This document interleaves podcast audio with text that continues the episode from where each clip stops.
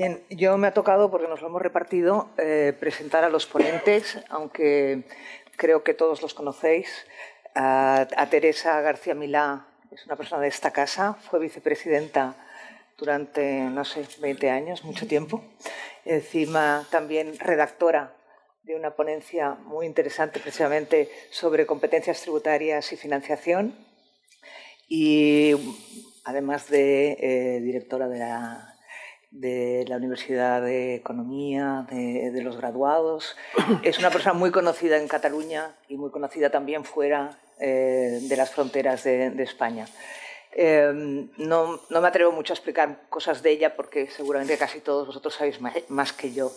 La voy a dejar que luego ella hable. Eh, Emilio Antiveros, que también lo conocéis, pues es catedrático de Economía, eh, fundador de Analistas Financieros, ¿no? y creo que ahora presidente sigue siendo, sí, bien. Eh, un hombre que además ha estado en comités editoriales, en consejos de administración. Yo he tenido la suerte de coincidir con él en alguno y mm, lo que más me gusta de él es que es muy pedagogo cuando explica las cosas y acabamos entendiendo lo que parece imposible entender. En cualquier caso, eh, les vamos a dar directamente la palabra a ellos y, sobre, y yo propongo que empiece Teresa, si te parece bien. Muy bien, gracias, y, y luego ya hacemos las preguntas con la directora del periódico. Perfecto, muy bien. Pues buenos días a todos, muchas gracias por estar aquí. Y para mí siempre es una satisfacción participar en actos del círculo, porque como decía Rosa, llevo en, vinculada al círculo muchos años. yo lo que voy es hacer realmente personal del círculo. Y voy a explicaros uh, la opinión del CERCLA, que salió en mayo del 2018, pero voy a centrarme en la segunda parte. ¿eh? La, la, opinión del CERCLA tiene dos partes. Uh, se salió en un momento que podéis entender que era de gran conflictividad y tiene una parte más política y una parte de financiación. ¿eh? La, la opinión está pensada para que, sea un modelo aplicable al conjunto de las comunidades autónomas y por lo tanto deja, no está pensando en Cataluña, sino que está pensando en buscar un modelo que sea una reforma válida y en la que se puedan incluir algunos cambios sustanciales que otras comunidades también piden, que obviamente Cataluña también necesita. El, el otro aspecto de la parte de financiación, que es la, la que yo me voy a centrar, es que en realidad no necesita un cambio de la Constitución.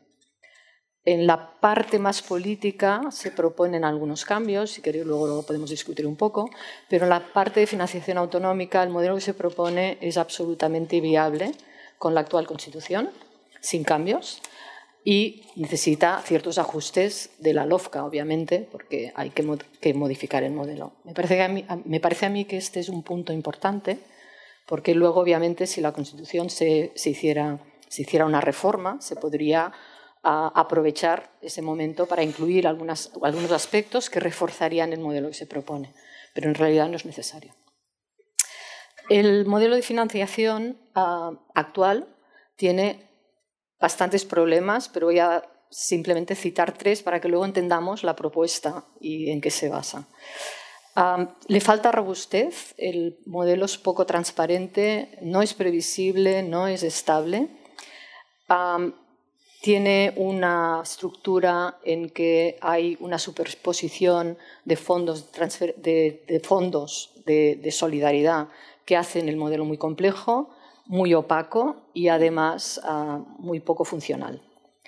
La recaudación de la mayor parte de los tributos se realiza por la Agencia Estatal de Administración Tributaria, voy a hablar de la Agencia Tributaria que es más fácil, y esto puede ser un problema y hay ah, desfases en la evolución económica de las comunidades autónomas y las transferencias recibidas, es decir, que hay unos problemas de ajustes importantes. El segundo gran problema es que Ah, da poca responsabilidad fiscal a las comunidades autónomas. Las comunidades autónomas tienen una gran responsabilidad de gasto. De hecho, ah, son responsables de educación, sanidad y servicios sociales, los servicios más importantes que provee el Estado. Pero, en cambio, en la parte de ah, recursos y de recaudación, tiene poca responsabilidad.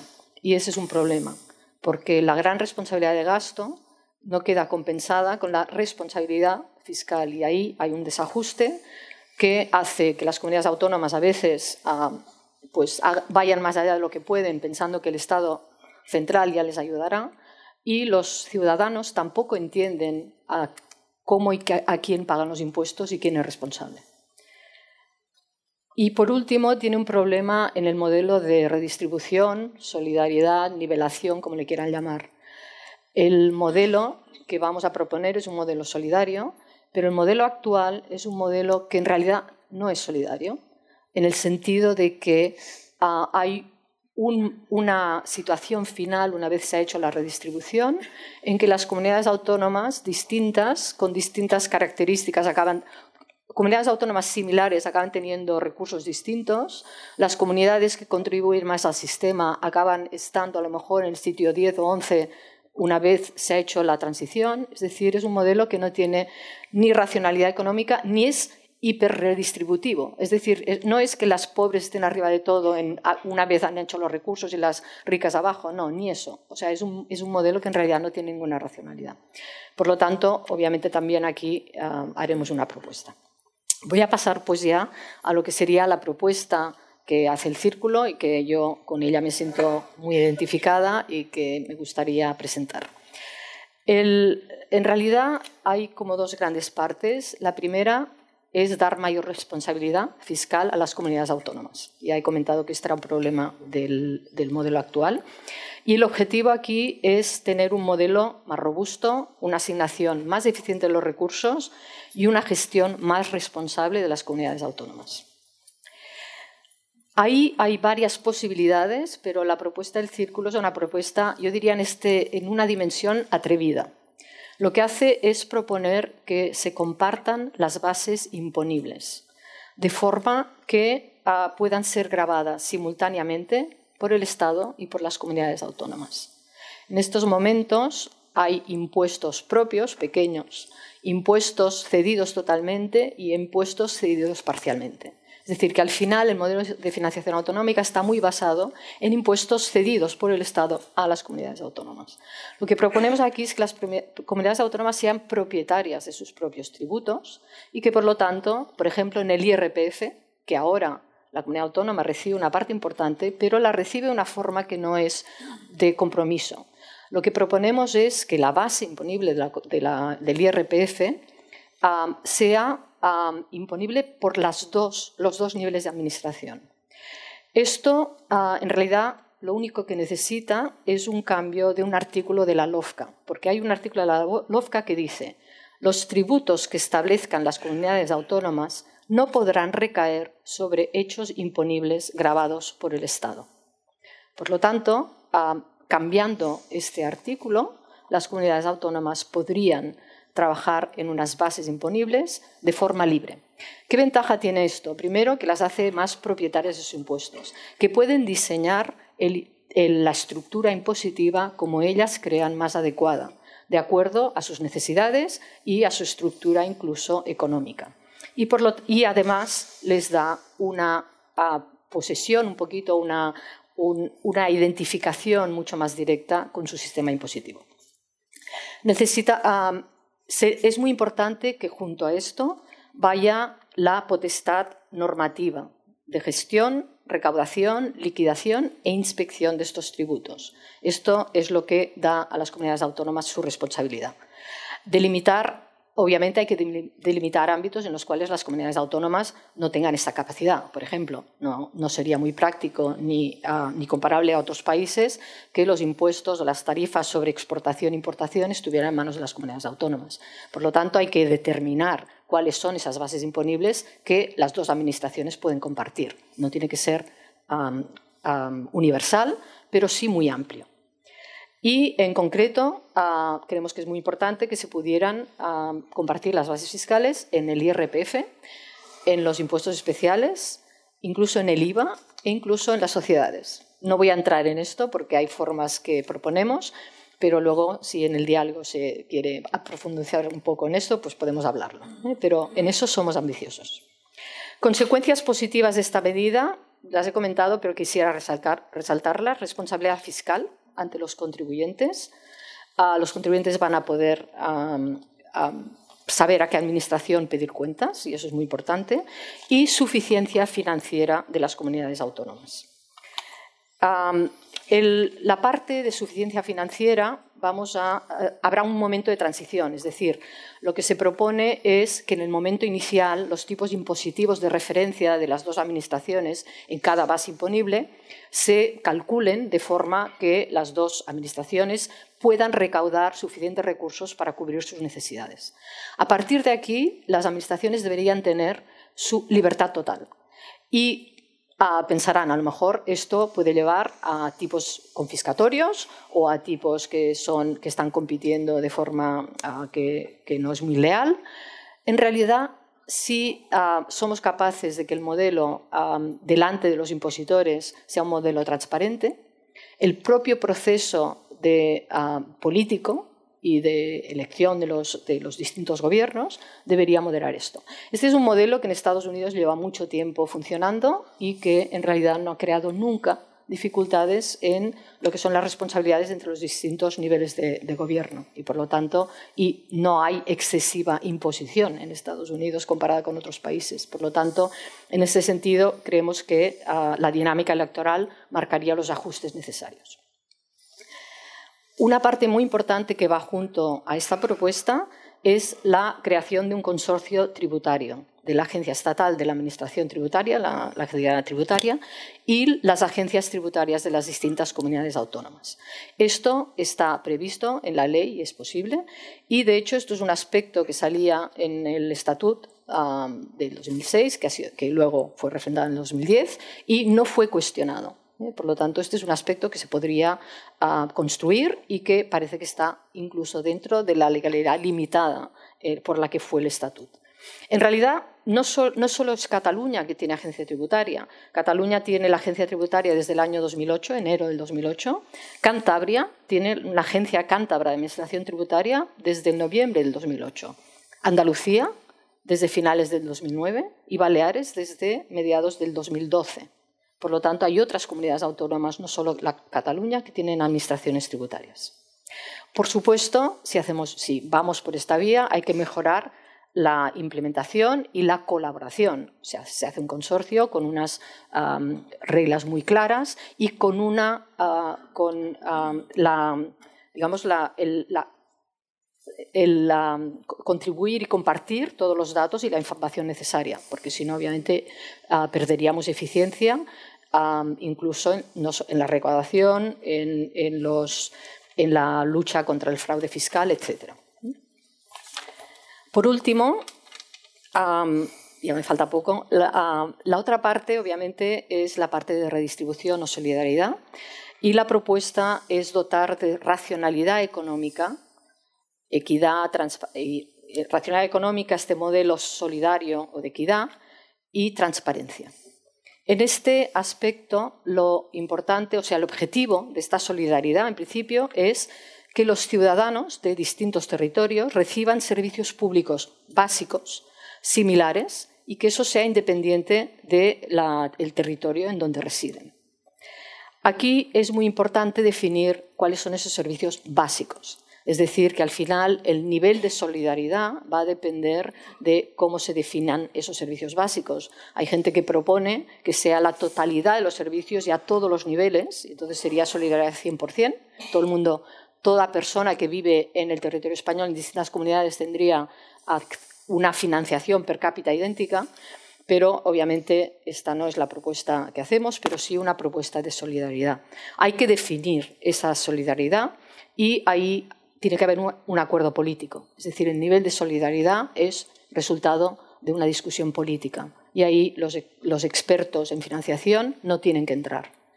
A partir de ahí es muy importante hacer este modelo racional y que sea claro y económico. Y por lo tanto, hay que hacer un cálculo de lo que serían los costes de esos servicios que políticamente se han acordado que son los básicos.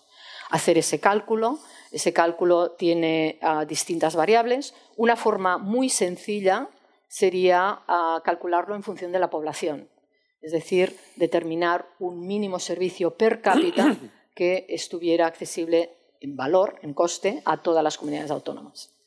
Hay formas más sofisticadas de hacer esto, porque las poblaciones no son homogéneas, hay comunidades que tienen mucha gente mayor, muchas comunidades que tienen más gente en, edad escolar, por lo tanto esto se puede ajustar.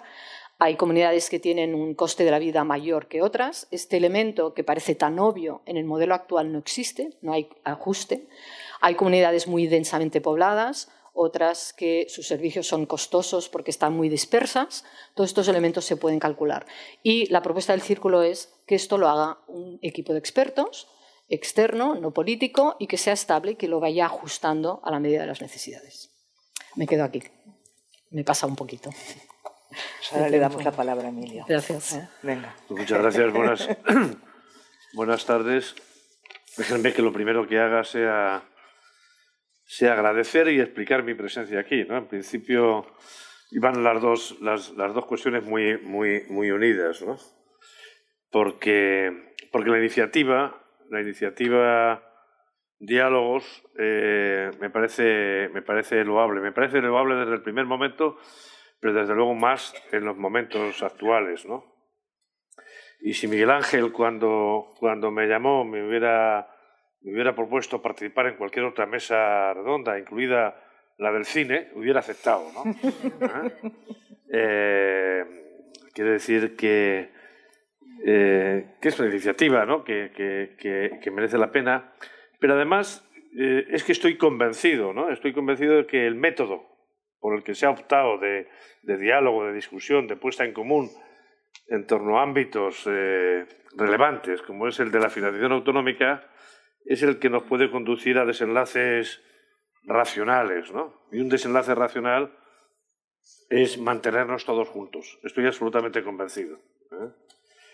Eh, es verdad que, que, no sé cómo interpretar que a estas alturas en Barcelona se hable de financiación autonómica, ¿no? Eh, porque parece que, que, bueno, el propio empeño es, es, es saludable, ¿no? Y eso quiere decir que puede haber un futuro absolutamente común, ¿eh? un futuro federal, ¿eh? que es el que anticipo. Eh, a mí me convence, me convence más, me parece más racional. hay pocas, pocas razones para, para, para eludir el debate sobre la financiación autonómica. Quizá ha cobrado una importancia eh, relativamente hace, hace poco como consecuencia del impacto que la crisis ha tenido en la, en la propia distribución. Y quizá la otra razón es el consenso que ha insinuado muy bien eh, Teresa de el consenso acerca del carácter manifiestamente mejorable. Eh, por lo tanto, ya anticipo que estoy muy a gusto. Si además me puedo reencontrar con amigos y con amigas en una ciudad a la que le profeso un especial cariño, pues la iniciativa del, círculo de la Fundación Diario Madrid y de la asociación me parece encomiable. Yo, quizá por recordar, Teresa ha pasado directamente a la propuesta del círculo que yo he leído y que me parece en general absolutamente constructiva, muy constructiva. Hay dos o tres puntos en los que podríamos discutir o buscar algún tipo de aclaración. Pero sí eh, asumo, eh, asumo eh, como planteamiento de partida el hecho de que estamos ante un territorio, España, que es manifiestamente heterogéneo. manifiestamente heterogéneo. Y eso es muy importante tenerlo en cuenta, ¿no? Porque es verdad que es una fuente de enriquecimiento clara, pero también es una dificultad de gestión. Son realidades nacionales diversas y estructuras económicas igualmente eh, heterogéneas y por lo tanto es, es una fuente de conflictos, eh, de conflictos potenciales. ¿no? Es muy importante en este sentido pues, tener la asignación de talento suficiente como para, para gestionar una realidad eh, tan compleja. Si a eso se le añade el hecho de que el sistema institucional de coordinación entre los distintos territorios, entre las distintas comunidades autónomas, no ha funcionado bien, no ha funcionado bien. Hablo de coordinación política.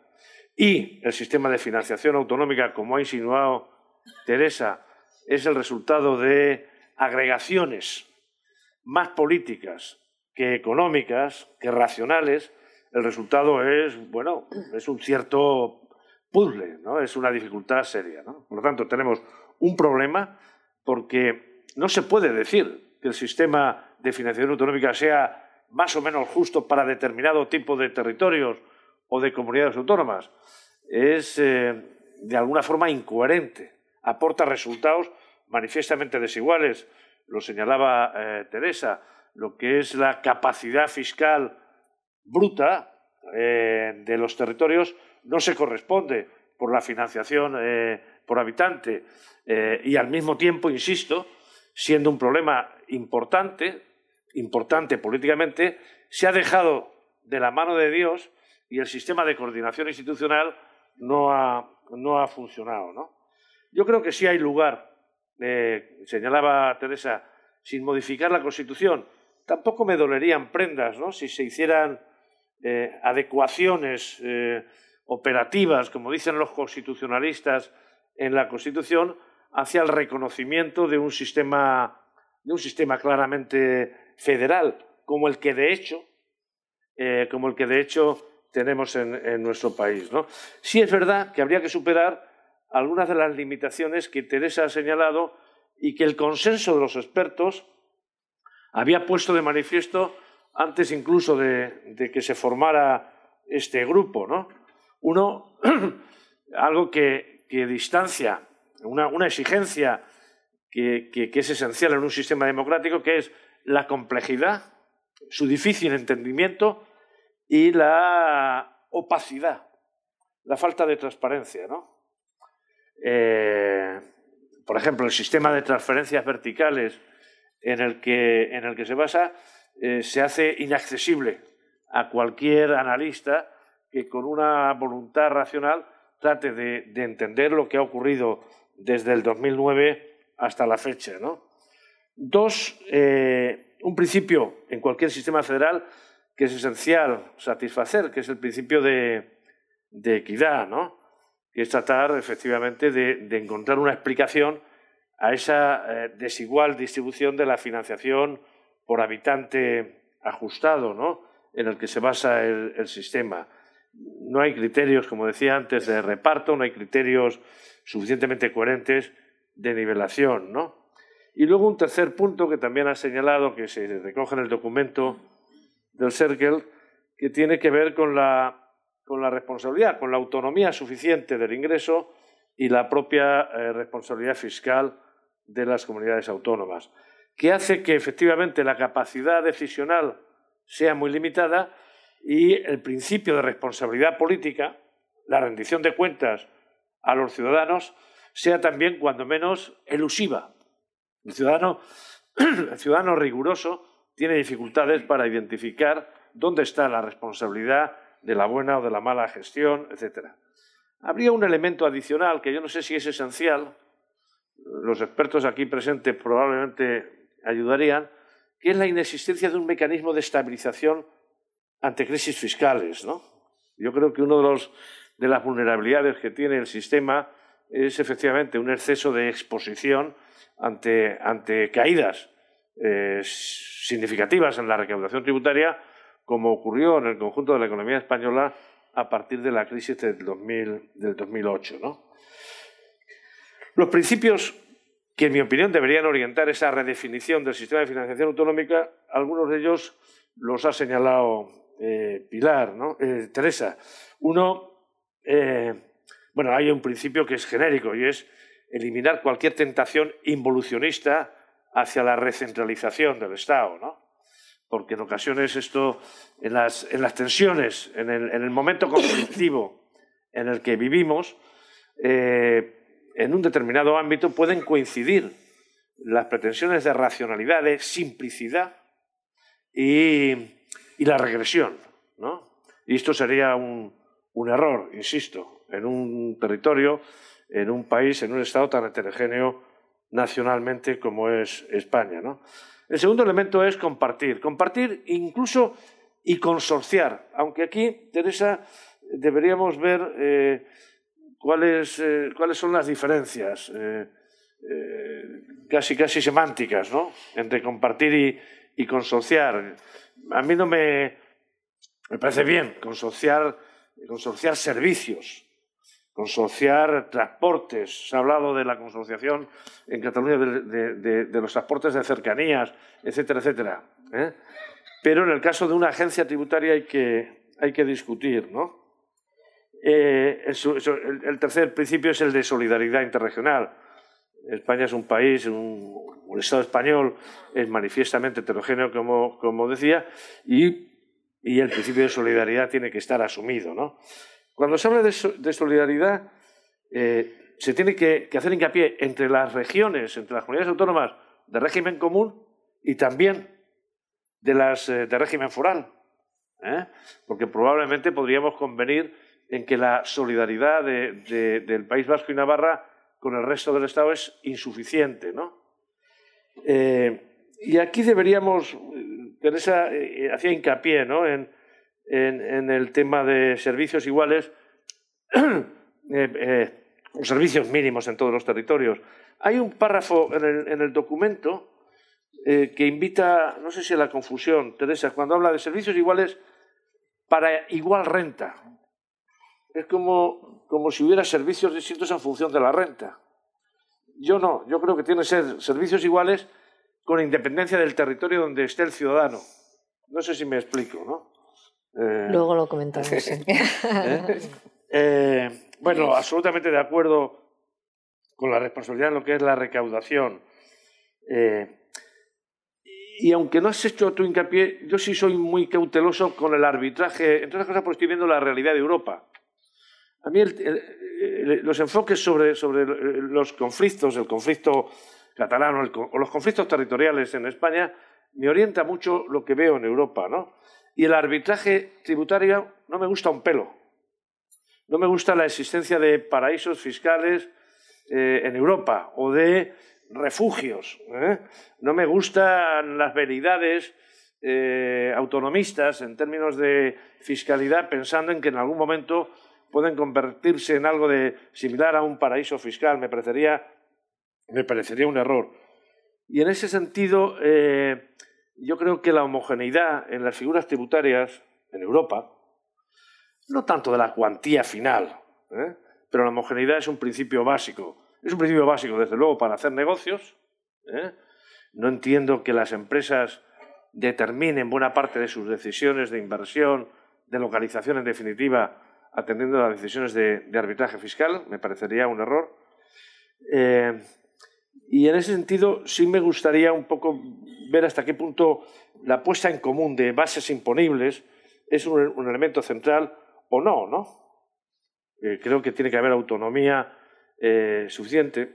Yo creo que salvo en el caso de Estados Unidos que tú has señalado, hay pocos más. Hay pocos más. No es el caso, por ejemplo, de, Australia, ¿no? que es un sistema federal eh, en, lo fiscal, bueno, bastante sensato, bastante razonable, en mi opinión. la reforma tiene que favorecer la simplificación y la comprensión por parte de los ciudadanos. ¿eh? Si no, seguiremos estafando, ¿no? Yo creo que, que, la transparencia y la rendición de cuentas, ¿no?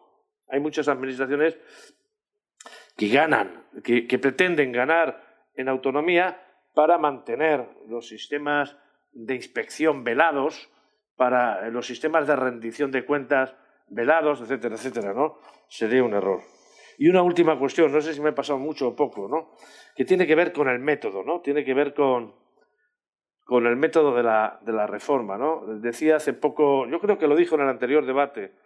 En el anterior debate, eh, Andrés Humás dijo dos o tres cosas que a mí me han interesado. ¿no? Bueno, no solo en el anterior debate, en un papel, en una conferencia que dio en Madrid en 2013, yo creo que era conseller, y fue a uno de aquellos desayunos que se organizan en Madrid, en algún hotel de estos, eh, y vino a decir que el tema de la de, la financiación autonómica no era el tema esencial. ¿eh? Lo decía en 2013, donde los problemas estaban mucho menos a flor de piel, los problemas políticos, los problemas emocionales, los problemas identitarios, los problemas, las quejas con el autogobierno. ¿no? Él venía a señalar que había dos o tres problemas antes que el de la financiación autonómica. Pero en lo que sí estoy absolutamente de acuerdo con él, que dijo en el anterior debate aquí con Carlos Olchaga, es en, dos premisas. ¿no? Uno, en marginar esa dimensión emocional, eh, por lo menos en ese tema, cuidado, y dos, en capitalizar, en capitalizar los errores. ¿no? Yo creo que es básico, ¿no? No se me ocurre nada más, ¿no? Me, he pasado mucho. Dos minutos. Vale. exactamente, porque me han, dicho que teníamos que, ser muy, eh, muy regulares y muy puntuales. Yo me he pasado más. ¿eh? Gracias, gracias Emilio y, Teresa. Em, a ver, escuchando vuestras intervenciones, que son muy interesantes, eh, llegamos a conclusiones muy sencillas. Es que el modelo que tenemos, y lo podríamos compartir todos, es complicado, poco transparente, alguien diría disfuncional, obsoleto. Yo creo que con el diagnóstico estamos todos muy de acuerdo.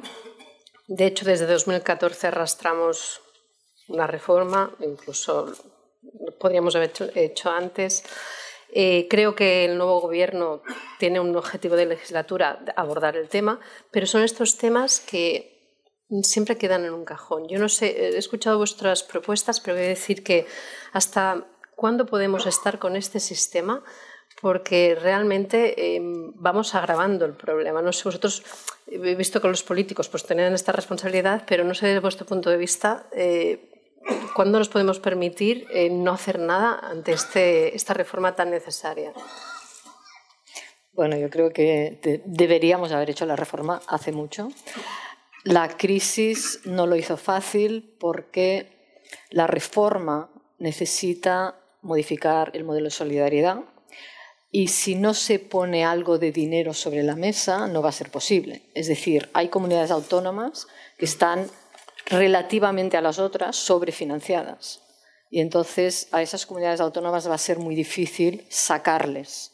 Quizá lo que puedes decir, te aseguro lo que tienes y vamos a subir con el modelo que sea, ¿eh? pero al final vamos a subir los recursos de aquellas comunidades autónomas que tienen menos de lo que deberían tener. Entonces, en un momento de crisis es muy difícil poner dinero sobre la mesa. Se puso en el año 2009 con la reforma última, pero un momento de crisis difícil. Y yo creo que en eso ha estado la excusa y luego se ha ido alargando. estoy de acuerdo con Andreu en el año 2013 y ahora en que, el, en que el problema en Cataluña no es solo el modelo de financiación. El modelo muy ah, centralizado del Estado en el que en realidad yo creo que no solo Cataluña, sino que todo el país está perdiendo protagonismo, toda la zona mediterránea está pidiendo desde hace muchos años una infraestructura que no llega y que claramente sería muy eficiente y mejoraría el, retorno de esa infraestructura en el país, sería muy evidente. Ah, ese tipo de actuaciones son las que están, aparte del modelo de financiación, impidiendo que, Cataluña tenga un respeto respecto a Cataluña y otras comunidades autónomas. ¿eh? Porque, por ejemplo, la comunidad valenciana está muy infrafinanciada en el modelo de financiación. Lo que pasa que, como la política va como va, cuando la política es favorable, pues las comunidades autónomas reciben otros recursos vía más inversión pública o algunas otras actuaciones. Entonces, el modelo de financiación es una parte, es un 10% del PIB, más o menos, ¿eh? del PIB, un 10-12% del PIB. la actuación pública es mucho mayor que eso y, por lo tanto, hay mucho más en dinero y en comportamiento la lealtad institucional entre los diferentes niveles de gobierno no ha sido siempre um, referente. ¿no? Um, la Constitución quizá no es tanto el problema como el Tribunal Constitucional, que ha tomado decisiones que han sido muy polémicas, es decir, que hay muchas cosas. ¿no? El presidente aquí presente que, que habló de la desafección catalana como en un momento en que nadie hablaba de esto, ¿no? pero es que es así. Por lo tanto, es el modelo y otras cosas. Yo tengo otra pregunta antes de que Emilio bueno, conteste. Iba, iba, a hacer un, par de precisiones. Vale, vale, pues hace las precisiones porque se me van, las, se ah, me van todas las preguntas de la cabeza. no, tengo bolígrafo. No, pero era. Ah, pues mira, Rosa. Ah.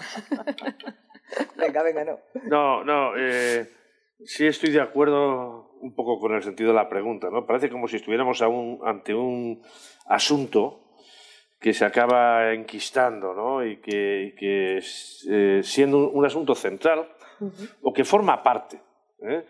De, un asunto central en la gobernabilidad de, España, que es el conflicto territorial que existe, que es esa heterogeneidad a lo que yo hacía referencia de forma genérica, en el caso de Cataluña de forma específica, eh, siendo además un asunto en el que se han desplegado iniciativas de distinto tipo, el resultado final es un resultado eh, malo, es un engendro, es un resultado mal acabado, y dos, da la impresión de que efectivamente, tú llevabas razón, genera una cierta alergia. ¿no?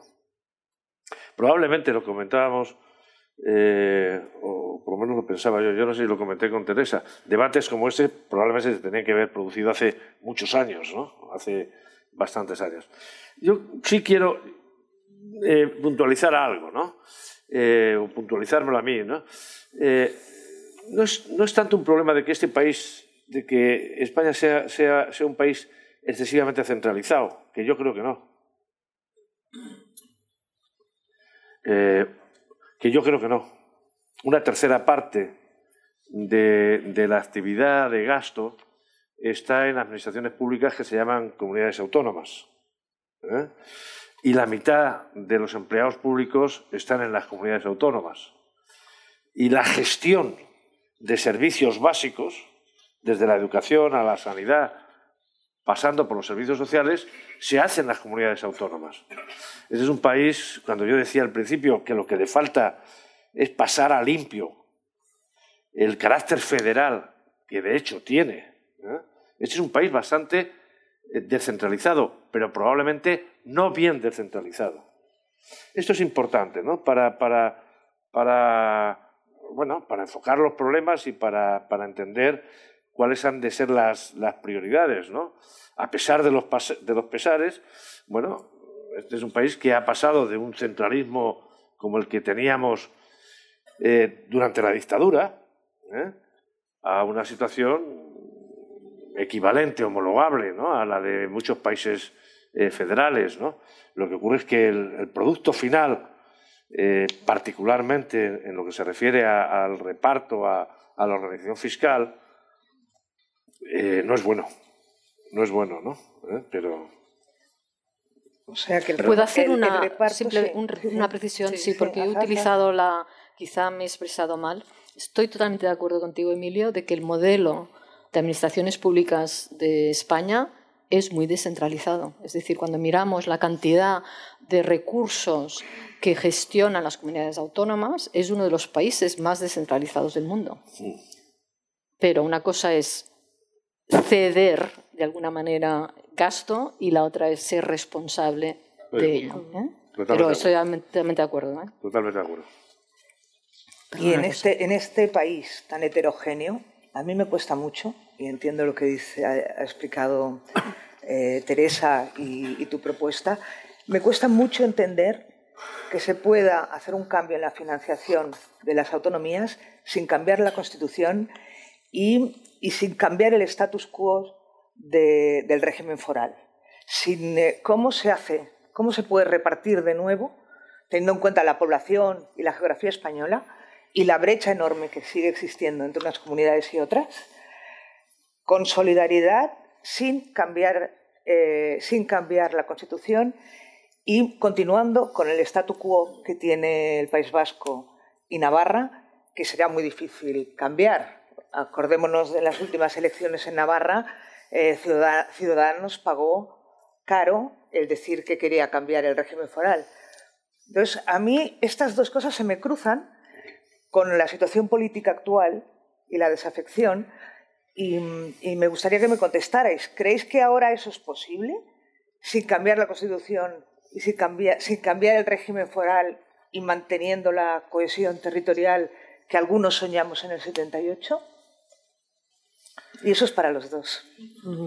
Bueno, eh, yo creo que sí, ¿no? De todas formas, eh, a mí me, llamó la atención eh, hace poco un catedrático de administrativo, Lupo, venía a decir, hombre, venía a defender una, una reforma acotada, ¿eh? cito textualmente de la Constitución, en orden a la simplificación y clarificación de la distribución de competencias. ¿no? Primero. Y dos, yo creo, vamos, yo, hablaba antes del método y decía, vamos a, vamos a capitalizar los errores, vamos a marginar emociones, es decir, los componentes irracionales. Y tres, me ha faltado decir, vamos a hacer gala de un gradualismo inteligente, ¿no? Lo cual no quiere decir una parsimonia, ¿eh? sino... ¿eh? Yo creo que no hay que cambiar el régimen foral. Hay, eh, hay que hacerlo más solidario. Hay que revisar los procedimientos de determinación de, de las contribuciones del cupo, ¿no?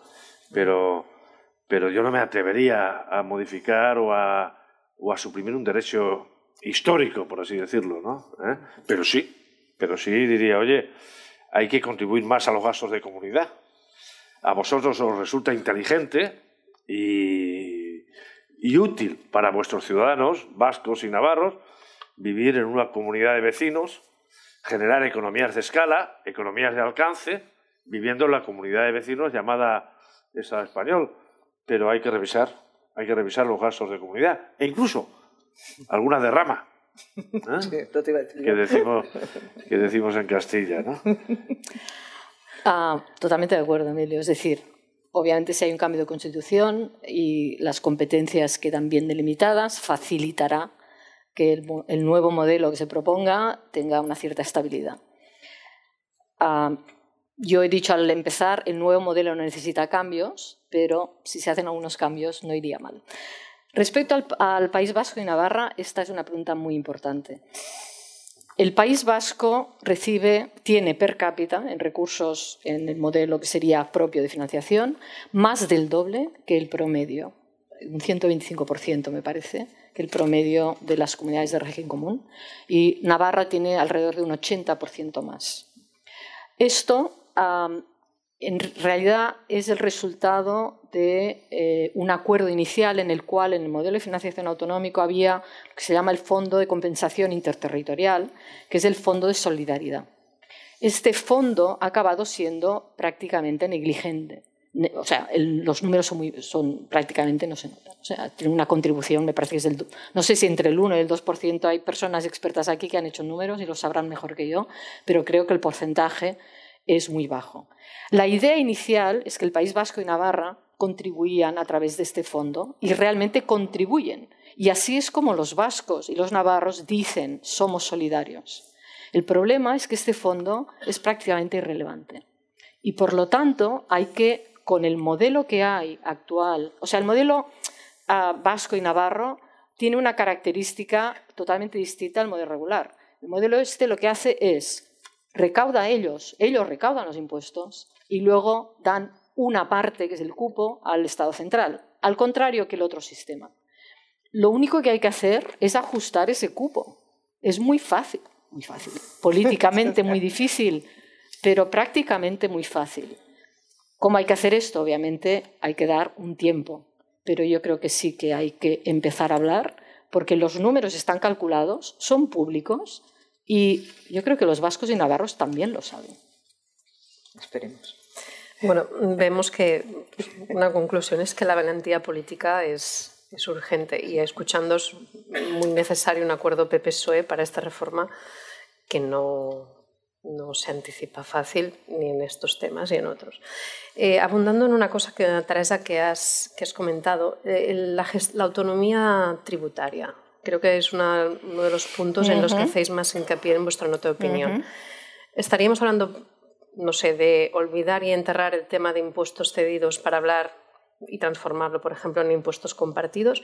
Y ya bajando el detalle, mm, ¿qué sería más importante? ¿El IRPF, el IVA? Hablaríamos de un IVA autonómico, sociedades. No sé si esto nos lo puedes ampliar. Sí, a ver, ah, el más claro es el IRPF. En realidad el IRPF ahora está muy compartido, pero está hecho de una forma, dejándolo decir así, centralizada. Es decir, al final ah, las comunidades autónomas no tienen ciertas limitaciones, tienen bastante libertad, pero tienen ciertas limitaciones en cómo establecer el modelo tributario y ah, no recaudan. Con lo cual, eh, los recursos de este y de los otros compartidos son recursos que recauda la Administración Central y transfiere a las comunidades autónomas, pero con una estimación que luego al cabo de dos o tres años acaban ah, calculando finalmente. Con lo cual hay retrasos en lo que es el ajuste y hay un cierto sentimiento de que esos recursos no son nuestros,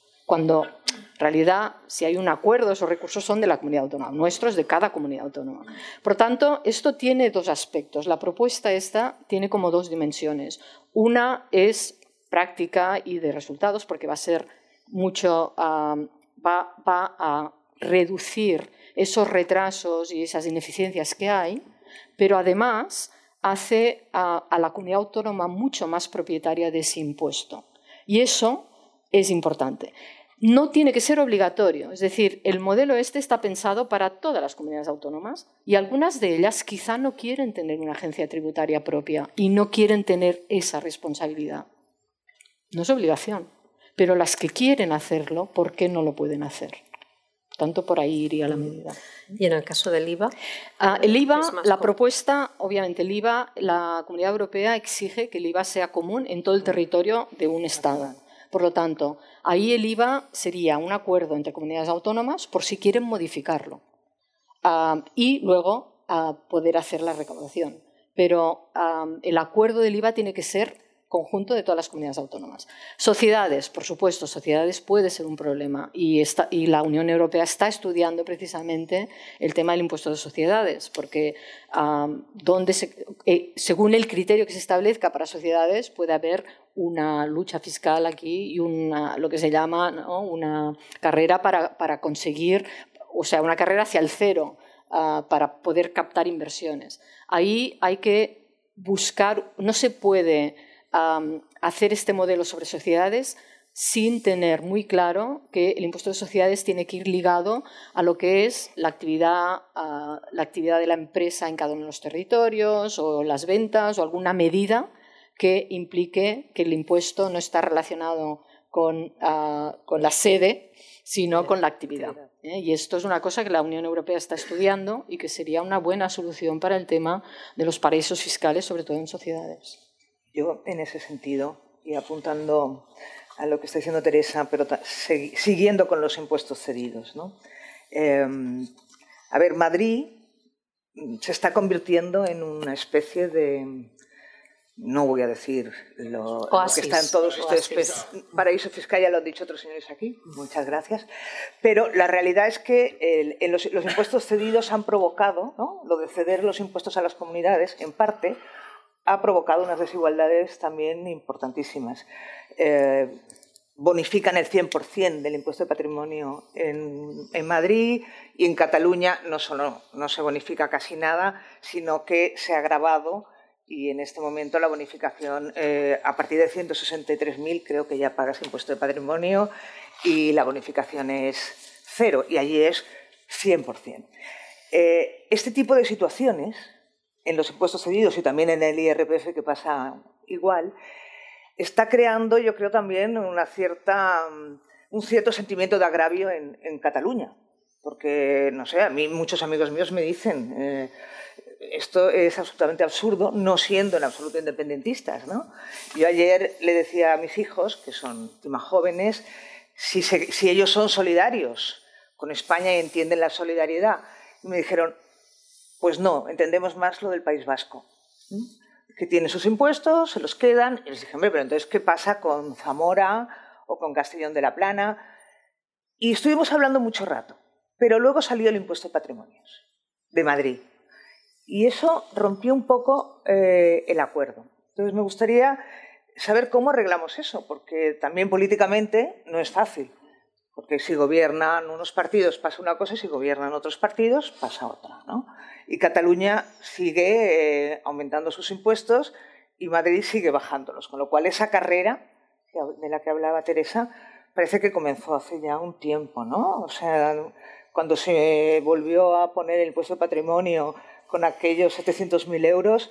Desde entonces ahora, estaba Zapatero, eh, la carrera ha sido, no sé qué opináis vosotros, a mí me parece que ha sido importante. me gustaría, Emilio, que dijeras qué podíamos hacer en eso. Claramente, eh, lo he intentado decir, ¿no? Claramente soy contrario a las posibilidades de arbitraje fiscal. ¿eh? Clarísimamente. Clarísimamente. Tanto en las figuras tributarias que tú has señalado, como la posibilidad efectivamente de que a través de puestas en común, de bases imponibles, etcétera, se distribuya, se defina una tasa marginal de imposición que tenga una ventaja clara sobre el resto de los territorios. Yo creo que sí tiene que haber una coordinación estatal ¿eh? que evite eso. Pero, insisto, lo comentaba antes, no solo en el seno de España, sino en el seno de la Unión Europea, porque ese arbitraje fiscal, Rosa, tú lo conoces muy bien, se está dando en el seno de la Unión Europea. Ahí ¿Hay residentes españoles que se han domiciliado fiscalmente en Portugal? Muchísimos. Sobre todo franceses. ¿Eh? Los franceses en masa. Bueno, no tiene sentido, ¿no? ¿Eh? No tiene. No, no. Yo creo que, yo creo que una cosa es organizar bien eh, fiscalmente el Estado de tal forma que, como convenimos todos, el ciudadano pueda ver cuál es el grado de eficiencia con el que se administran sus recursos por territorios y otra cosa es que eh, se establezca eso es, ¿no? situaciones, situaciones de, de, privilegio. ¿no? La misma, casi casi con la misma lógica ¿no? que en la Unión Europea, y no lo contestamos nadie, habla de decir, oiga, usted no toque el IVA territorialmente, porque, porque es muy difícil, entre otras cosas, de precisar dónde está eh, la localización geográfica del hecho imponible, ¿no? Entonces se hablaba de, de sociedad, lo hablabas tú, ¿no? Eh, bueno, es el, problema que, que, tenemos ahora mismo en Europa. ¿Dónde están en la tributación de las gafas, de, las grandes tecnológicas? Eh, ¿Dónde está el hecho imponible, ¿no? Geográficamente, geográficamente hablando, ¿no? Sería una estupidez, ¿no? Que, dado, digamos, el, la dificultad, ¿no? Para concretar en Europa dónde tiene que pagar impuestos eh, Apple o Google o, Facebook, empezáramos a compartimentar en exceso en un territorio relativamente, en un mercado que por el momento es un mercado único, relativamente limitado como es eh, España. ¿no? Eh, sí tengo claro ¿no? que, que, hay que limitar, ¿no? en ese sentido, la existencia de paraísos fiscales. ¿no? Sobre todo, además, en una economía, en una economía que tiene una presión fiscal significativamente inferior, hablo del conjunto de la economía española, significativamente inferior al promedio de Europa. ¿Eh? Hay otras prioridades, ¿no? En mi opinión. ¿Eh? Hay una prioridad que tiene que ver con infraestructuras comunes, donde hay economías de escala, con carrera hacia la digitalización, etcétera, etcétera. Europa se está planteando ahora que la única forma de responder a ese liderazgo muy marcado ya de Estados Unidos y China en, en la economía digital es generar eh, economías entre todos. ¿no? Para mí sería eso prioritario antes que, que, que, buscar un ahorro en la fiscalidad madrileña o, o de Castilla-La Mancha. ¿no? Teresa. No es solo ¿eh? Cataluña donde está el patrimonio, es Andalucía también. Andalucía, Andalucía es ¿Eh? Sí, sí. que, que, en ese sentido no hay una correlación es curioso, ¿no? Porque cuando miras los modelos fiscales de las distintas comunidades autónomas, en realidad casi todas las comunidades autónomas que han modificado el IRPF lo han modificado al alza, excepto Madrid. Las comunidades autónomas que han modificado los tipos impositivos en otros ah, tributos cedidos han tendido a modificarlos al alza. Han hecho algunas deducciones específicas por familias numerosas o cosas de deducción de base, pero las estructuras fiscales más bien han ido a subir un poquito para tener más recursos. Yo solo lo pongo sobre la mesa, yo no lo entiendo. Bueno, sí tiene una explicación, ¿no? A lo mejor tú no te atreves a darla, ¿no? Dámela tú. no, son comunidades autónomas donde han tenido unos gobiernos muy ideologizados, ¿no? ¿Eh? la Comunidad de Madrid, básicamente. ¿no? Pero ¿cómo, ¿cómo, sobrevive la Comunidad de Madrid a, unos impuestos ¿eh? tan más bajos con, que con listas de espera relativamente elevadas o más elevadas que tal, con una desigualdad en el seno de la comunidad autónoma, es un poco lo que ocurre también en algunas economías avanzadas, ¿no? que eh, se permiten desmantelar fiscalmente, tributariamente sus economías, pero la desigualdad en la distribución de la renta y por lo tanto la desafección, la inestabilidad social eh, asciende, ¿no? No es un paradigma, no es un ejemplo, ¿no? Podemos habló de... No es Madrid. Eh, el ejemplo es más Dinamarca, ¿no? ¿Eh? A mí me apetece mucho más pensar en Dinamarca que en la Comunidad Autónoma de Madrid, en algunos aspectos de la organización fiscal. Perdona, Rosa. Perdona, no, no. Eh, eh, ponía más leña al fuego, pero bueno, que esa no hace falta. Podemos habló de, poner un impuesto sobre las grandes fortunas. En Portugal se ha hecho, por ejemplo. ¿Qué opináis sobre eso? Porque la ideología en los tributos siempre acaba apareciendo. en realidad ya lo sabemos todos, ¿no? Entonces, ¿hasta dónde puede o va a querer llegar este nuevo gobierno de coalición? Yo no sé hasta dónde va a llegar este, vamos, este gobierno no, no que yo sepa, yo me leí el preacuerdo del gobierno de coalición, el que hizo en noviembre, los 10 puntos, y el acuerdo final, en las vísperas de la formación del gobierno, de 11 puntos, ¿no? Eh, la incorporación de un punto adicional era, era, eh, estaba justificado por reforzar eh, el carácter europeísta de la coalición. ¿no? Ese preacuerdo y el programa de gobierno tenían dos puntos que de alguna forma constituían las restricciones de entorno de la acción política de ese gobierno. ¿no? El primero decía, el objetivo número, era, número uno es la consolidación del crecimiento, con lo cual el resto de los nueve eh, ya no deberían servir, porque si como eh, el primer objetivo y aparece eso y los demás subordinados a eso, cualquier otra validad. Pero a mí me llamó la atención en el preacuerdo el, punto número 10, que ahora es el 10 y el 11, y es los suscriptores de este acuerdo eh, estamos absolutamente identificados con las exigencias propias de la Unión Monetaria. Es decir, con la satisfacción del Pacto de Estabilidad y Crecimiento. Es decir, reafirmaban eh, que a diferencia de lo que ocurre en el resto de los países de la eurozona, en el Parlamento español, por lo menos hasta hace diez minutos, no había, no hay ningún partido político contrario al mantenimiento en el euro, contrario al respeto al Pacto de Estabilidad y Crecimiento. Y el respeto al Pacto de Estabilidad y Crecimiento exige, entre otras cosas, una serie de, de, respeto igualmente a la estructura fiscal. Si le damos vueltas a, a, otros parlamentos, tendríamos dificultades para identificar algún parlamento de la eurozona donde no haya una formación política con peso específico suficiente que esté cuestionando las restricciones presupuestarias de, del euro. Por eso se me hace difícil, ¿no? Que un partido en el gobierno vaya a hacer grandes ejercicios de imaginación tributaria, ¿no? Y en relación al patrimonio, por no escaparme, eh, es entrar un poco en, esa discusión eh, que tienen ahora los fiscalistas entre grabar los flujos o grabar los stocks, ¿no? Eh, yo creo que el patrimonio es, es la consecuencia de una serie de flujos de renta, ¿no? Y por lo tanto tengo más dificultades analíticas para, para mantener la necesidad de grabar los patrimonios, ¿no? Pero no así las herencias. Ya. Estaba esperando que lo dijeras porque no así las herencias, ¿no? Eh, no así las herencias.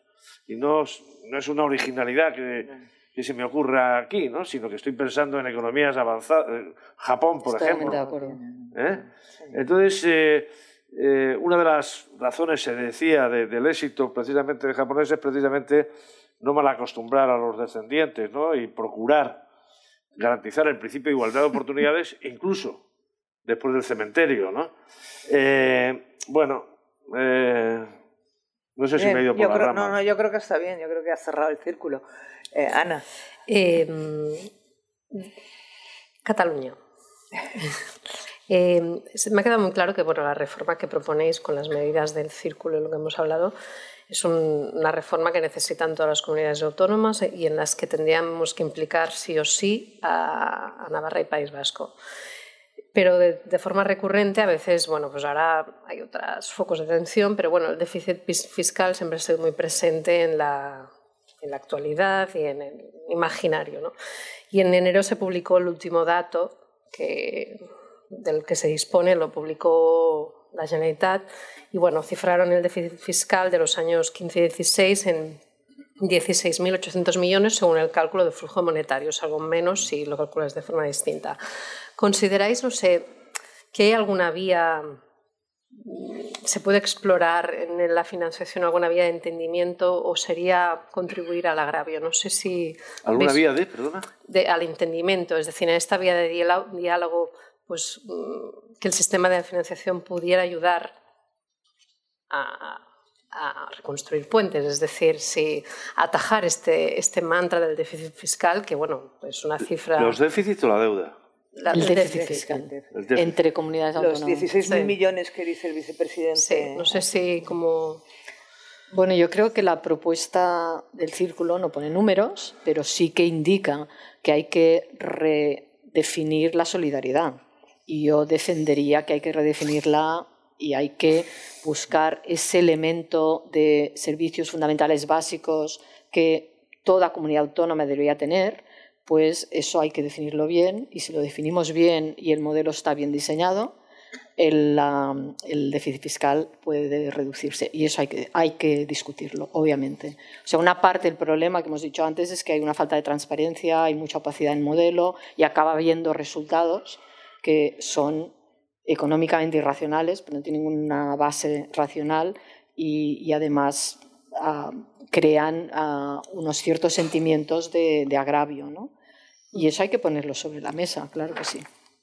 En cualquier caso, pactos bilaterales, eh, tipo los que existen, un pacto fiscal con Cataluña, ¿lo veríais más peligroso para no ahondar en las diferencias o lo ideal sería una reforma global ambiciosa? Yo siempre he defendido hace muchos años que hay que hacer una reforma de todo el sistema, en el cual hay que hacerla suficientemente descentralizada en el buen sentido de la palabra, con, responsabilidad fiscal, como para que Cataluña se sienta cómoda.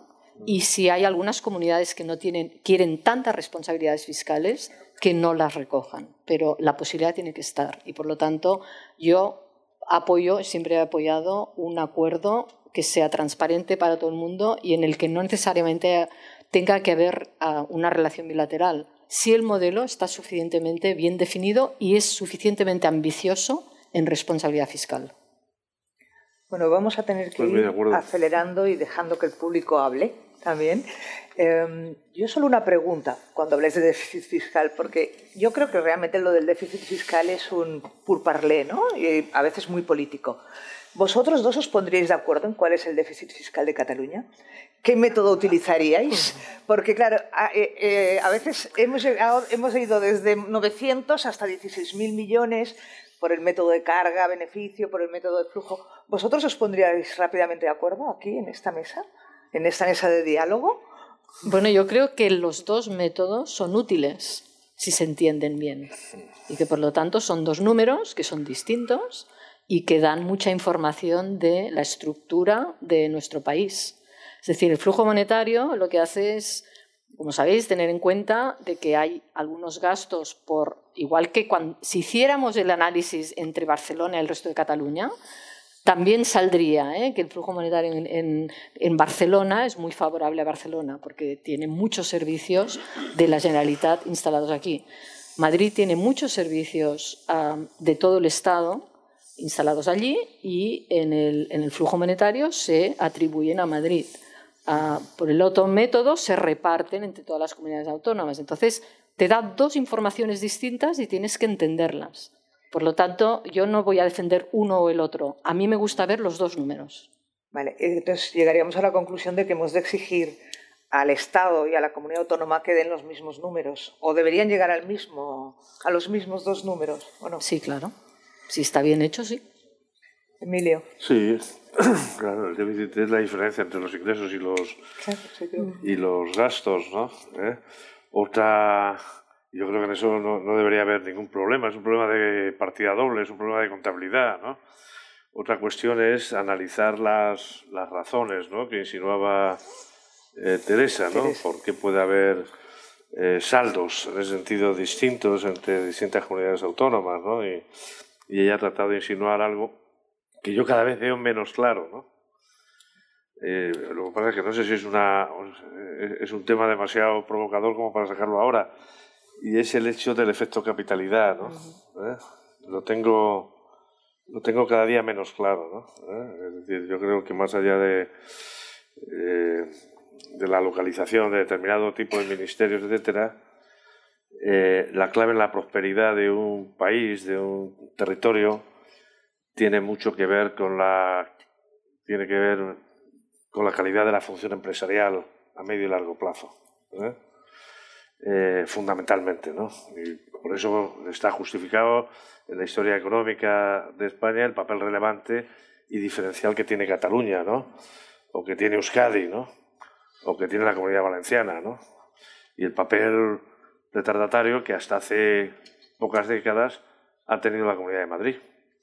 Lo que ocurre es que en la Comunidad de Madrid, a pesar de sus gobiernos, empieza a localizarse función empresarial de buena calidad. Que eso lo vemos. ¿eh? Lo vemos quienes tenemos como obligación el análisis de, la realidad económica, ¿no? Y empezamos a ver que cada vez tienen menor importancia relativa los negocios vinculados a la administración. Es decir, viven muy poco de la administración los sectores más dinámicos.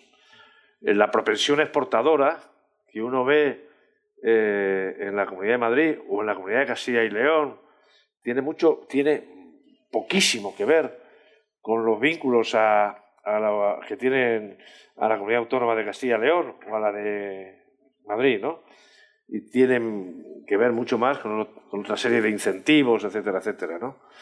Yo creo que probablemente seguirá pesando algo, pero, pero no, no, no. Tienen, las tecnológicas que se establecen en, Madrid no lo hacen para ver si eh, captan rentas de, de los nuevos ministerios, ¿no?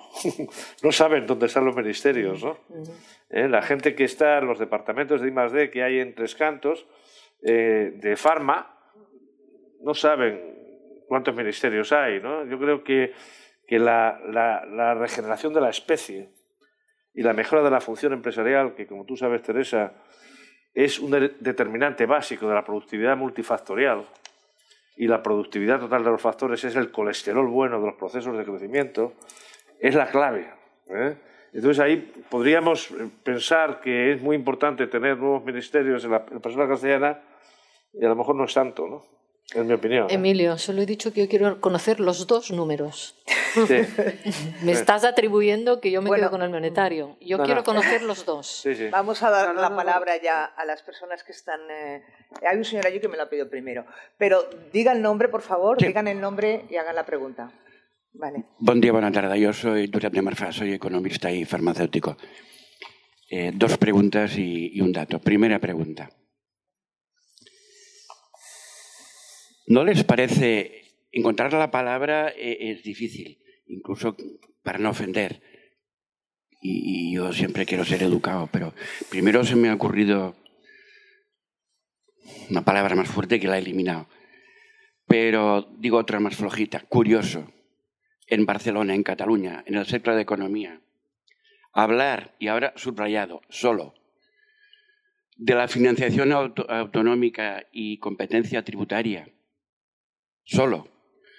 Cuando la mayoría absoluta del Parlamento de Cataluña no está por la labor, está por la independencia. A mí me parece flojito, ¿eh? curioso. Lo que antes había imaginado es ridículo. Ridículo estar en el Paseo de Gracia con un Parlamento mayoría absoluta y todas las encuestas dicen que va a aumentar mucho más, independentista. Y lo que tendríamos que hacer es hablar de ventajas de la reforma para ver si van bajando los indepes en relación a la independencia. O ventajas de la independencia en relación a la financiación autonómica. Pero solo de la financiación autonómica, sentados aquí en el Paseo de Gracia con mayoría absoluta independentista. ¿O es que esto es una burbuja y no nos enteramos de lo que pasa en Cataluña? Segunda. Dejas que, que respondan a esta, sí, a esta pero, pregunta? Bueno, ya que ha ya, ido ya la responderás independencia a la sala, en el Paseo de Gracia, y bueno, sigue, sigue. Segunda. Me parece maquiavélico lo de decir que es un Estado muy centralizado, porque cuantitativamente es cierto lo del 30%. Pero tenemos también que hablar de cualitativamente. por lo menos a mí cuando estudiaba económicas me lo decían. ¿Qué quiere esto decir? Que este 30% básicamente son sueldos. Sueldos de maestros, profesores, médicos, farmacéuticos y enfermeras. 92%. Y solo nos queda el 8% para que la Generalitat o el gobierno autonómico, digan como quieran, pueda gestionar. No diga solo el 30% cuantitativo. Explique a qué se refiere este 30%. Porque si no, sin decir mentiras, decimos mentiras. Yo soy francés. Aquí tenemos un aeropuerto que está creciendo, el que más crece de toda Europa en los cinco años. Pero no depende de la Generalitat, depende de Madrid. Tenemos un puerto que es tremendo, pero depende de Madrid. Yo soy francés. En Francia no hay descentralización porque los médicos y los maestros se pagan desde París. Pero el aeropuerto de Perpiñán depende de Montpellier, no de París. Y el puerto de Marsella depende de la región de Bouches-de-Rhône, no de París. Cualitativo y cuantitativo. Y el dato. Yo no soy rico y por lo tanto no puedo tener sociedades patrimoniales, pero sí que soy clase media alta. Yo, mi familia, pagamos 160.000 euros al año de patrimonio. Si yo estuviera en Madrid pagaría cero. Es bestial. Son 14.000 euros casi al mes que yo gano de menos o que puedo disponer de menos. El límite de pago de IRPF más patrimonio no me sirve, porque mis ingresos dependen mm, básicamente del mobiliario.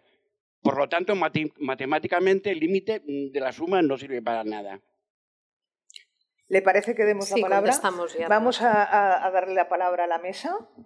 Eh, Teresa, Emilio, quien quiera. Bueno, yo he empezado constatando esa aparente paradoja que usted señala, ¿no? Sin llegar a localizarla en el Paseo de Gracia o en el Parlamento, ¿no? Y es que efectivamente hablemos, pero he llegado a saludarla, ¿no? Es decir, destaco la paradoja, pero me parece bien, ¿no? Me parece bien hablar de financiación autonómica porque quiere decir que en el ánimo de los convocantes, incluso de algunos de ustedes que han asistido, está la posibilidad de que efectivamente puede haber un destino común y ese destino común, bajo la forma política que sea, de un Estado federal o lo que sea, va a exigir un arreglo de cuentas que mejore eh, el actual. Algunas de, cuyas limitaciones hemos señalado nosotros y usted también ha subrayado. ¿no? ¿Eh? no, lo que hemos señalado es que efectivamente es un grado de descentralización porque hay importantes decisiones en el Estado que no se toman en, la Administración central, ¿no? sino que se toman fundamentalmente en las comunidades autónomas, en las comunidades locales, en las diputaciones, en algunos territorios, etcétera, Y en términos de gasto final, de gasto final, ¿eh? pues una tercera parte. ¿eh? Y en términos de administración de personal, pues un poco más de la mitad. Podemos discutir si esto es poco o es mucho, ¿eh? pero es un tema es un tema a discutir, ¿no?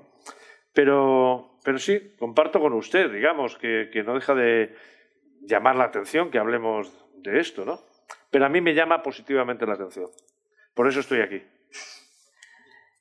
Muchas gracias. ¿Tenemos otra pregunta aquí? Sí. Sí,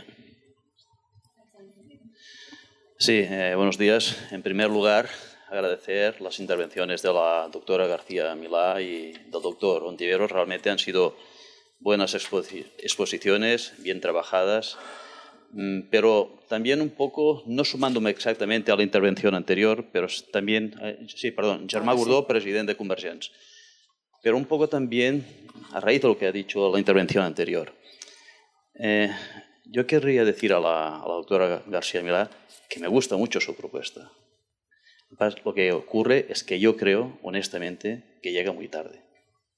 Yo creo que es una propuesta muy bien hecha, muy bien trabajada, honestamente. Además me gusta. Que tendría mucho que ver con el Estatuto de Autonomía del 2006. Pero posteriormente, la sentencia del Tribunal Constitucional del 2010, de alguna manera, trituró aquello. Aquello lo trituró. Un estatuto que, como decía la doctora García Milá, eh, hablaba del consorcio tributario, ¿no? de las agencias tributarias. Y por tanto ya había una cierta base para poder hacer una propuesta en este sentido y absolutamente constitucional. La sentencia del Tribunal Constitucional ha cambiado la realidad política del país. Un 50% aproximadamente de ciudadanos se muestran independentistas, un 42 en las generales, un 47 en las elecciones al Parlamento de, Cataluña. Alrededor de un 20% se muestran federales ¿eh? o federalistas, como es el caso del Partido Socialista de Cataluña. Los comuns nunca se sabe si son independentistas, si son federalistas, si son confederalistas, no se sabe. Pero sí que el autonomismo ha bajado mucho. En las últimas elecciones españolas, los autonomistas pues, han quedado en el 20%, la suma de Vox, de Ciutadans y del Partido Popular, del 20% las elecciones generales, las últimas que, que ha habido. Entonces, con esta realidad, yo no sé si no se podría ir un poco más allá y señalo directamente a la, a la doctora García Milá, también, evidentemente, al doctor Ontiveros, que ha, que ha llegado aquí diciendo, me sorprende hablar de este tema justamente con la realidad política y social de Cataluña en este momento y después ha hecho una brillante exposición, como, como siempre. Yo creo, honestamente, eh, y, lo, y, lo, pido a la doctora García Milá y también al Cercle de Economía, que con la actual situación este no puede ser el punto de equilibrio.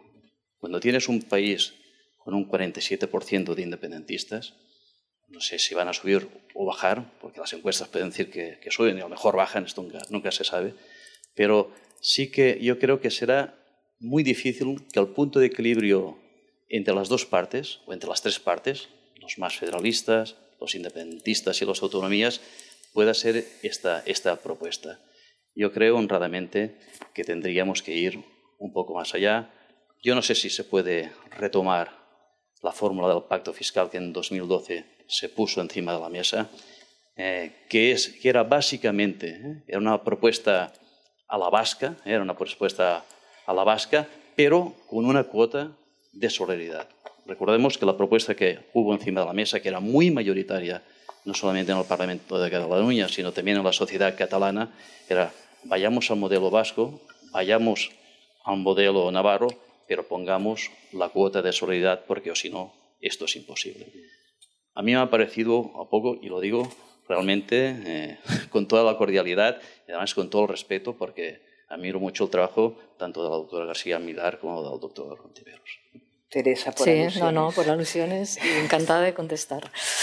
Um, la propuesta que yo entiendo que hay sobre la mesa es una propuesta que puede ser válida para desencallar el modelo actualmente. Es decir, yo no sé si Cataluña será independiente o no, si lo será dentro de cinco años, de 15 o de 20, o no lo será y seguirá en un modelo como el actual, pero evolucionado. Obviamente, en el modelo actual, tal cual está, es imposible. Sí que tengo muy claro que, que, la independencia no podemos hacer un salto de un día para el otro. Y esto es, una, es un tema que me parece que hemos observado que es bastante complicado. Si el proceso este vaya o no la independencia tiene su tiempo, creo que es útil buscar una solución a una situación que es claramente peor de la que se está proponiendo. Y por ello creo que el ejercicio es útil. Pacto fiscal. El pacto fiscal y el modelo que se propone al final daría unos puede dar unos resultados idénticos.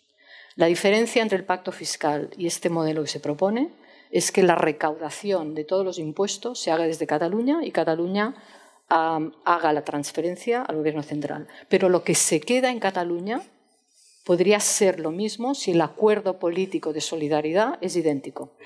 Vamos a hacer ese supuesto, si me permite.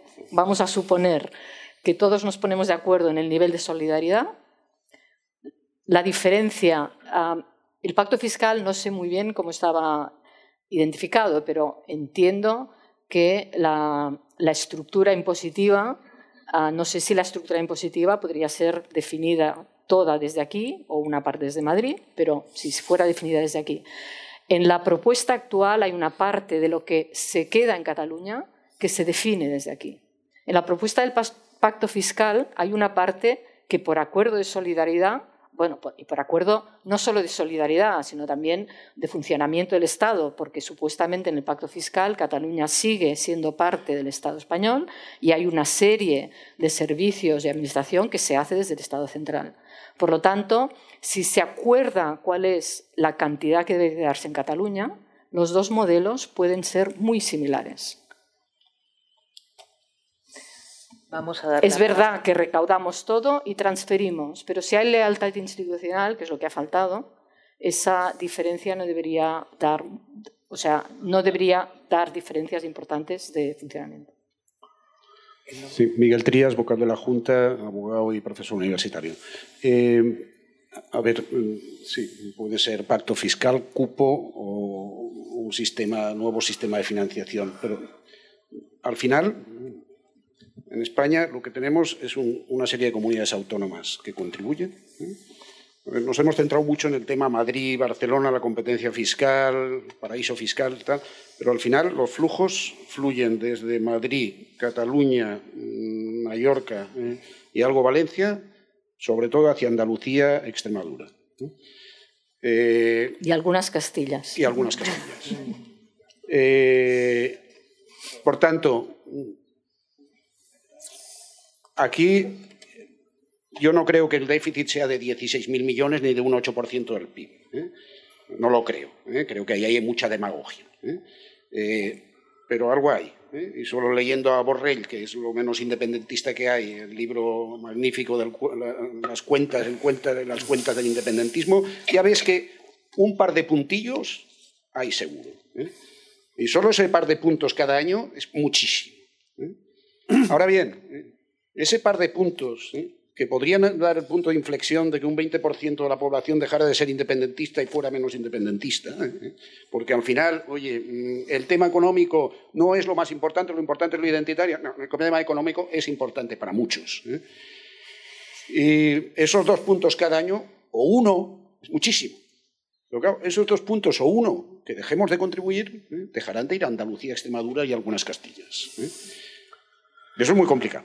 Eh, mi pregunta es, porque claro, oye, hay que pactar, sí, tenemos a alguien enfrente. ¿eh? Y tendremos no solo al gobierno de Madrid, porque luego estará el gobierno andaluz, tal, o sea, redefinir un sistema de financiación autonómica supone que, algo de estos flujos pues dejen de, transferirse, ¿no?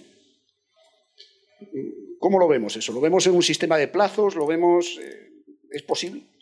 Yo, yo, lo veo el tema más complejo que hay, porque al final es la sustancia, todo lo demás es cómo lo hacemos. Esto es lo que hacemos. sí, yo quería hacer una, una precisión. el, cálculo de, el cálculo hecho por Borrell, me gustaría decir el, que no estoy nada de acuerdo. Nada de acuerdo. ¿eh? O sea, Borrell hace. O sea, en realidad, en la época en que ha habido déficit, déficit importante, hay que hacer un ajuste.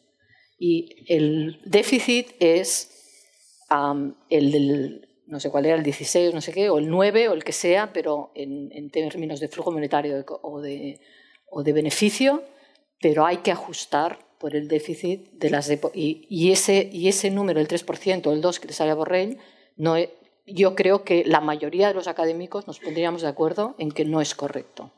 Es importante porque no es un 2% o un 3%. ¿eh? Seguramente es un 9, un 10, un 16, depende, pero es un número importante. Por lo tanto, hay margen para mejorar.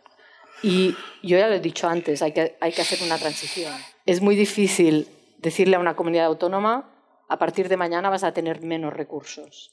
Por lo tanto, es una transición en la cual vas a tener que hacer un modelo en que haya más recursos durante un periodo para que podamos realmente hacer el salto. Y eso hay que aceptarlo y reconocerlo. Claro, como se ha hecho en las reformas anteriores, ¿no? Que en lugar de abordar las inconsistencias que había en el modelo, se han ido agregando, agregando recursos, ¿no? Yo estoy de acuerdo. Yo creo que no ese es el problema fundamental, ¿no? Ojalá. Bueno, a ver, tenemos tres palabras y ya vamos a cerrar porque me están diciendo aquí en el círculo los que mandan que tengo que ir acabando. Entonces, eh, aquí y después una señora que está allí que están pidiéndolo hace tiempo y volvemos a. Buenas tardes. Luis Gelabert, empresario inmobiliario. He estado intentando eh, resumir y sintetizar al máximo los, conceptos eh, perfectamente vertidos por los ponentes y eh, veo tres puntos muy claros. Primero, el sistema tributario actual es tremendamente, está tremendamente descompensado y es injusto y eh, por lo tanto esto hay que resolverlo. Plantea un sistema nuevo eh, mm, que, mm, tal como nos lo ha expuesto la, doctora García Milá, es un sistema eh, que continúa siendo complicado, que hay que crear ponencias, hay que crear consorcios, hay que poner muchos técnicos, cuando esto está inventado, que es el sistema vasco. Lo único que tiene es perfecto, porque además tiene una solidaridad, eh, eh, perdón, una, una responsabilidad fiscal por parte de los contribuyentes que saben a dónde va a parar su dinero. Solo tiene un inconveniente, que así lo han manifestado, y es la insolidaridad, que esta es perfectamente acotable y eh, simplemente fijando una cantidad y esto es tremendamente simple, el sistema recaudatorio en contra del sistema que plantea la doctora Milá, que veo tremendamente complicado y poniendo muchísimo, muchísimo aparato administrativo para gestionar todo esto. Punto número dos.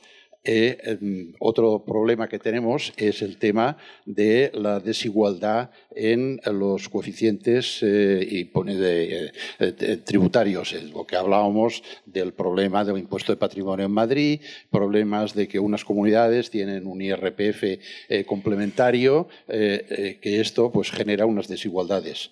Y en tercer lugar, bueno, mm, el, la, mm, hay que, hay que de alguna manera, eh, intentar eh, que, la, que, lo que es el fondo de compensación interregional o intercomunitario no sea una canonjía para toda la vida. Fijémonos que la Comunidad Europea, eh, a los países como España, que han tenido estos años unas grandes prebendas eh, por parte de Bruselas, ha llegado un momento que han dicho, bueno, señores, ya llevan ustedes tantos años, ya, eh, y claro, lo que no puede ser es que toda la vida Andalucía, Extremadura y otros pues sean, sean el patito feo y no se espabilan, porque el, tributar o darles fondos a, estas eh, in eternum mm, es eh, de alguna manera disuasorio para que se espabilen.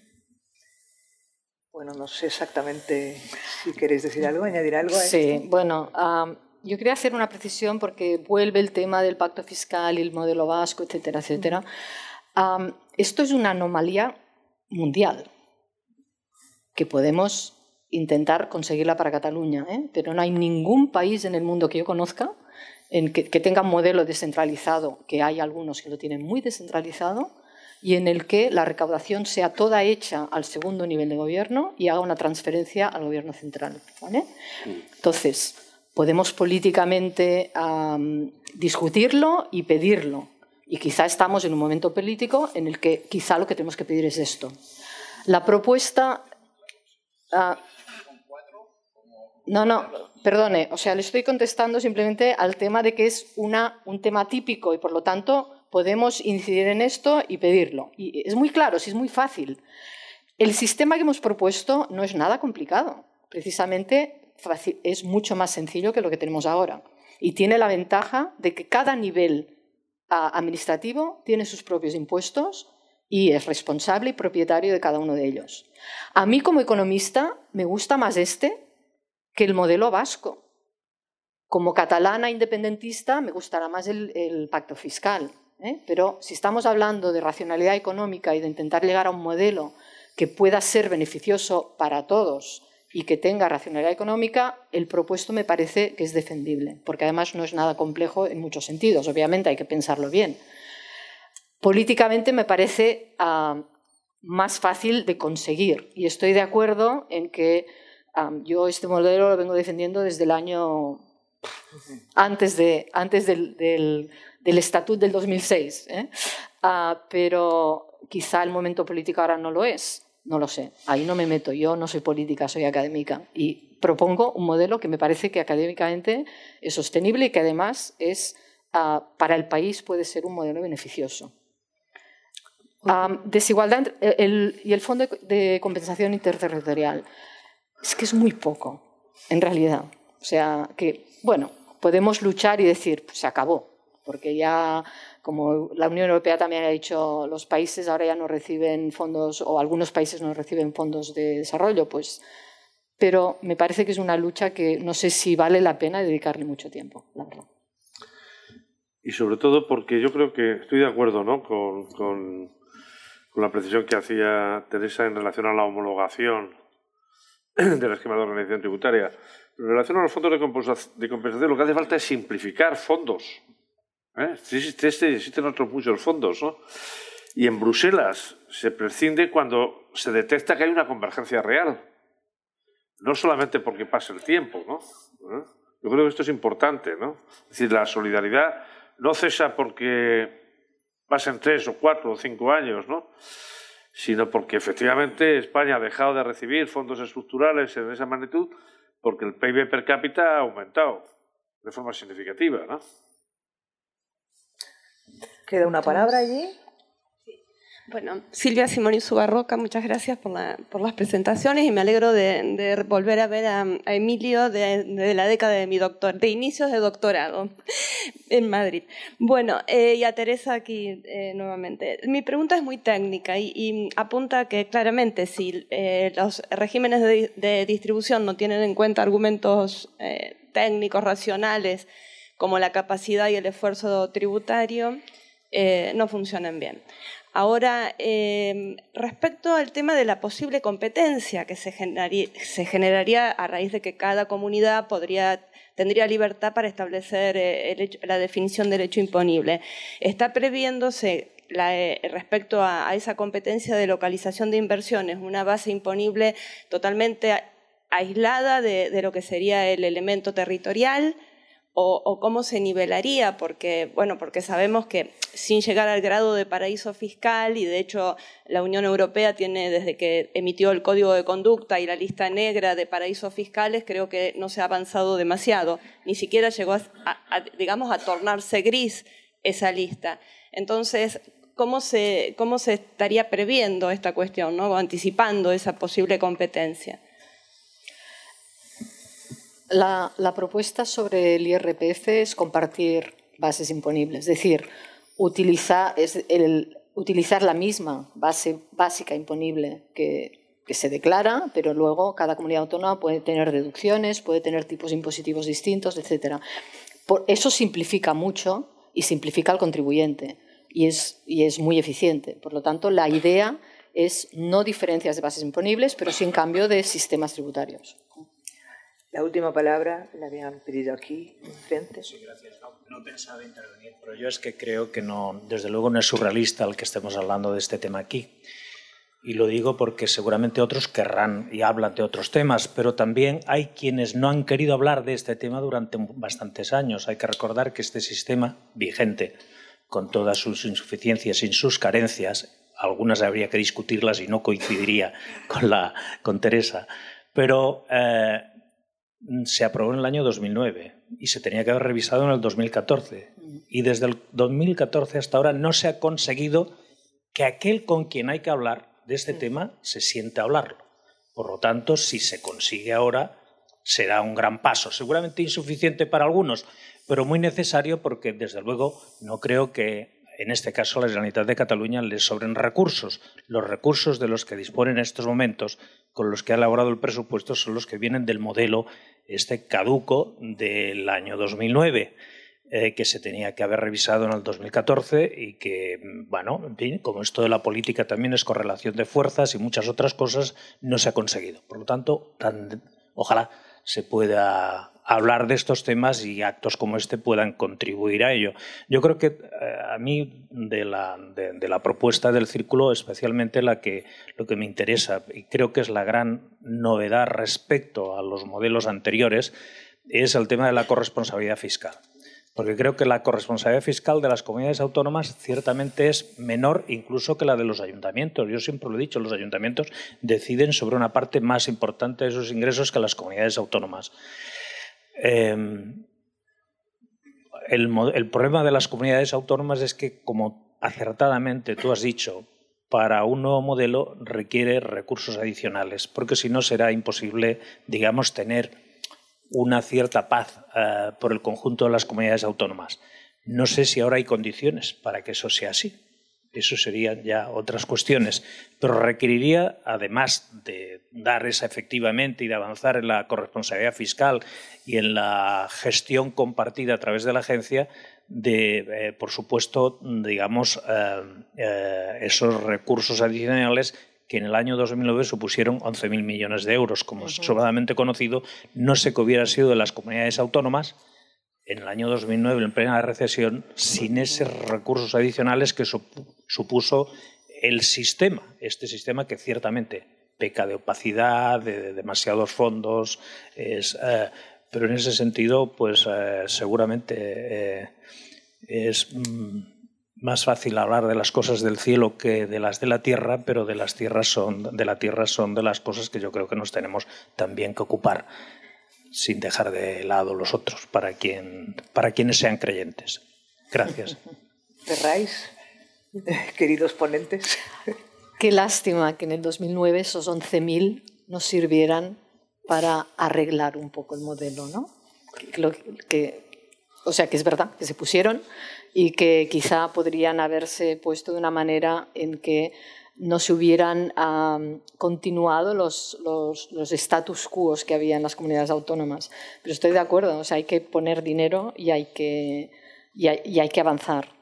bueno, la intención, yo para, para cerrar, la verdad es que la intención era poner sobre la mesa un modelo que, que es posible, ah, que no requiere mucho esfuerzo de cambios ah, legislativos, pero tiene que haber voluntad política aquí y allí. Es decir, que si este modelo no gusta aquí, obviamente ya no se va, ya no se va a poder negociar.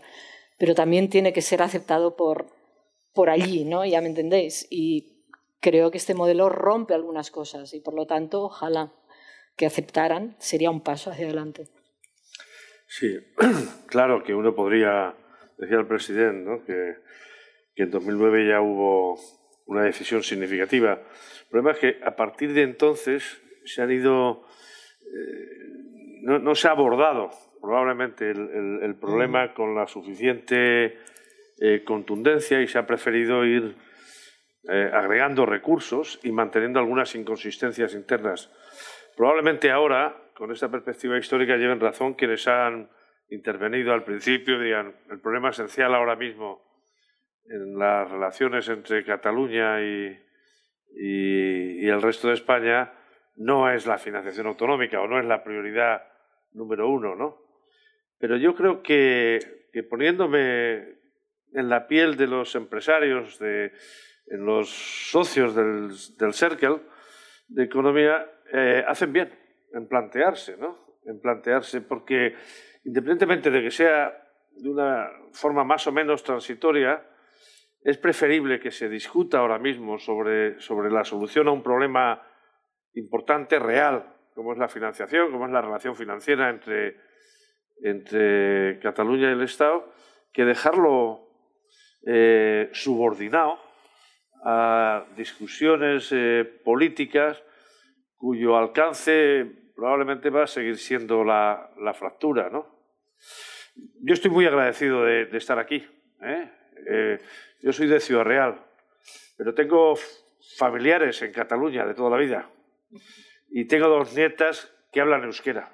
¿Eh? hablan euskera? Bueno, eh, soy consciente ¿no? de, la pluralidad y del enriquecimiento de este, de este país. ¿no? Agradezco al Círculo y a la Fundación y desde luego a la Asociación de Periodistas Europeos el que me haya dado la oportunidad de compartir minutos tan importantes con Teresa y con todos ustedes. No? También doncs moltes gràcies. Sí. Hem dialogat. Exacte.